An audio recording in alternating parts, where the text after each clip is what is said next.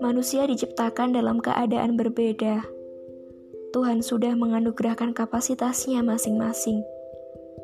Pintar, bodoh, cantik, tampan, kaya, dan miskin. Semuanya sudah ditentukan. Perbedaan dengan manusia adalah ukuran, sedangkan ukuran tidak pernah diperdulikan oleh Tuhan.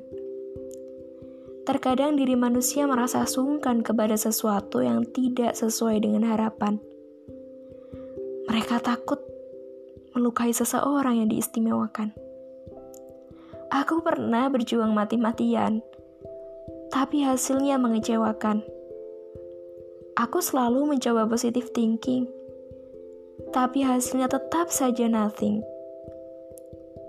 Sampai akhirnya terucap kata, "Mengapa aku selalu gagal?"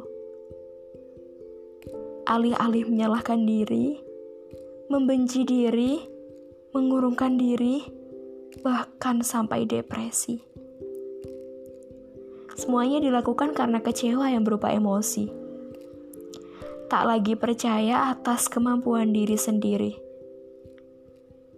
Kegagalan bukanlah akhir dari perjalanan. Ingat, yang gagal itu urusanmu.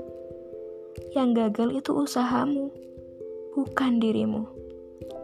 Jatuh, bangun lagi. Jatuh lagi, berdiri lagi walaupun hanya satu kaki.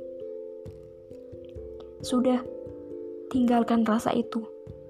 Tinggalkan semua buruk sangkamu terhadap apa yang sudah terjadi. Mari berevolusi. Tenang saja, roda akan selalu berputar, bukan? Lagi pula, Tuhan sedang menyiapkan sesuatu yang tidak pernah kita bayangkan.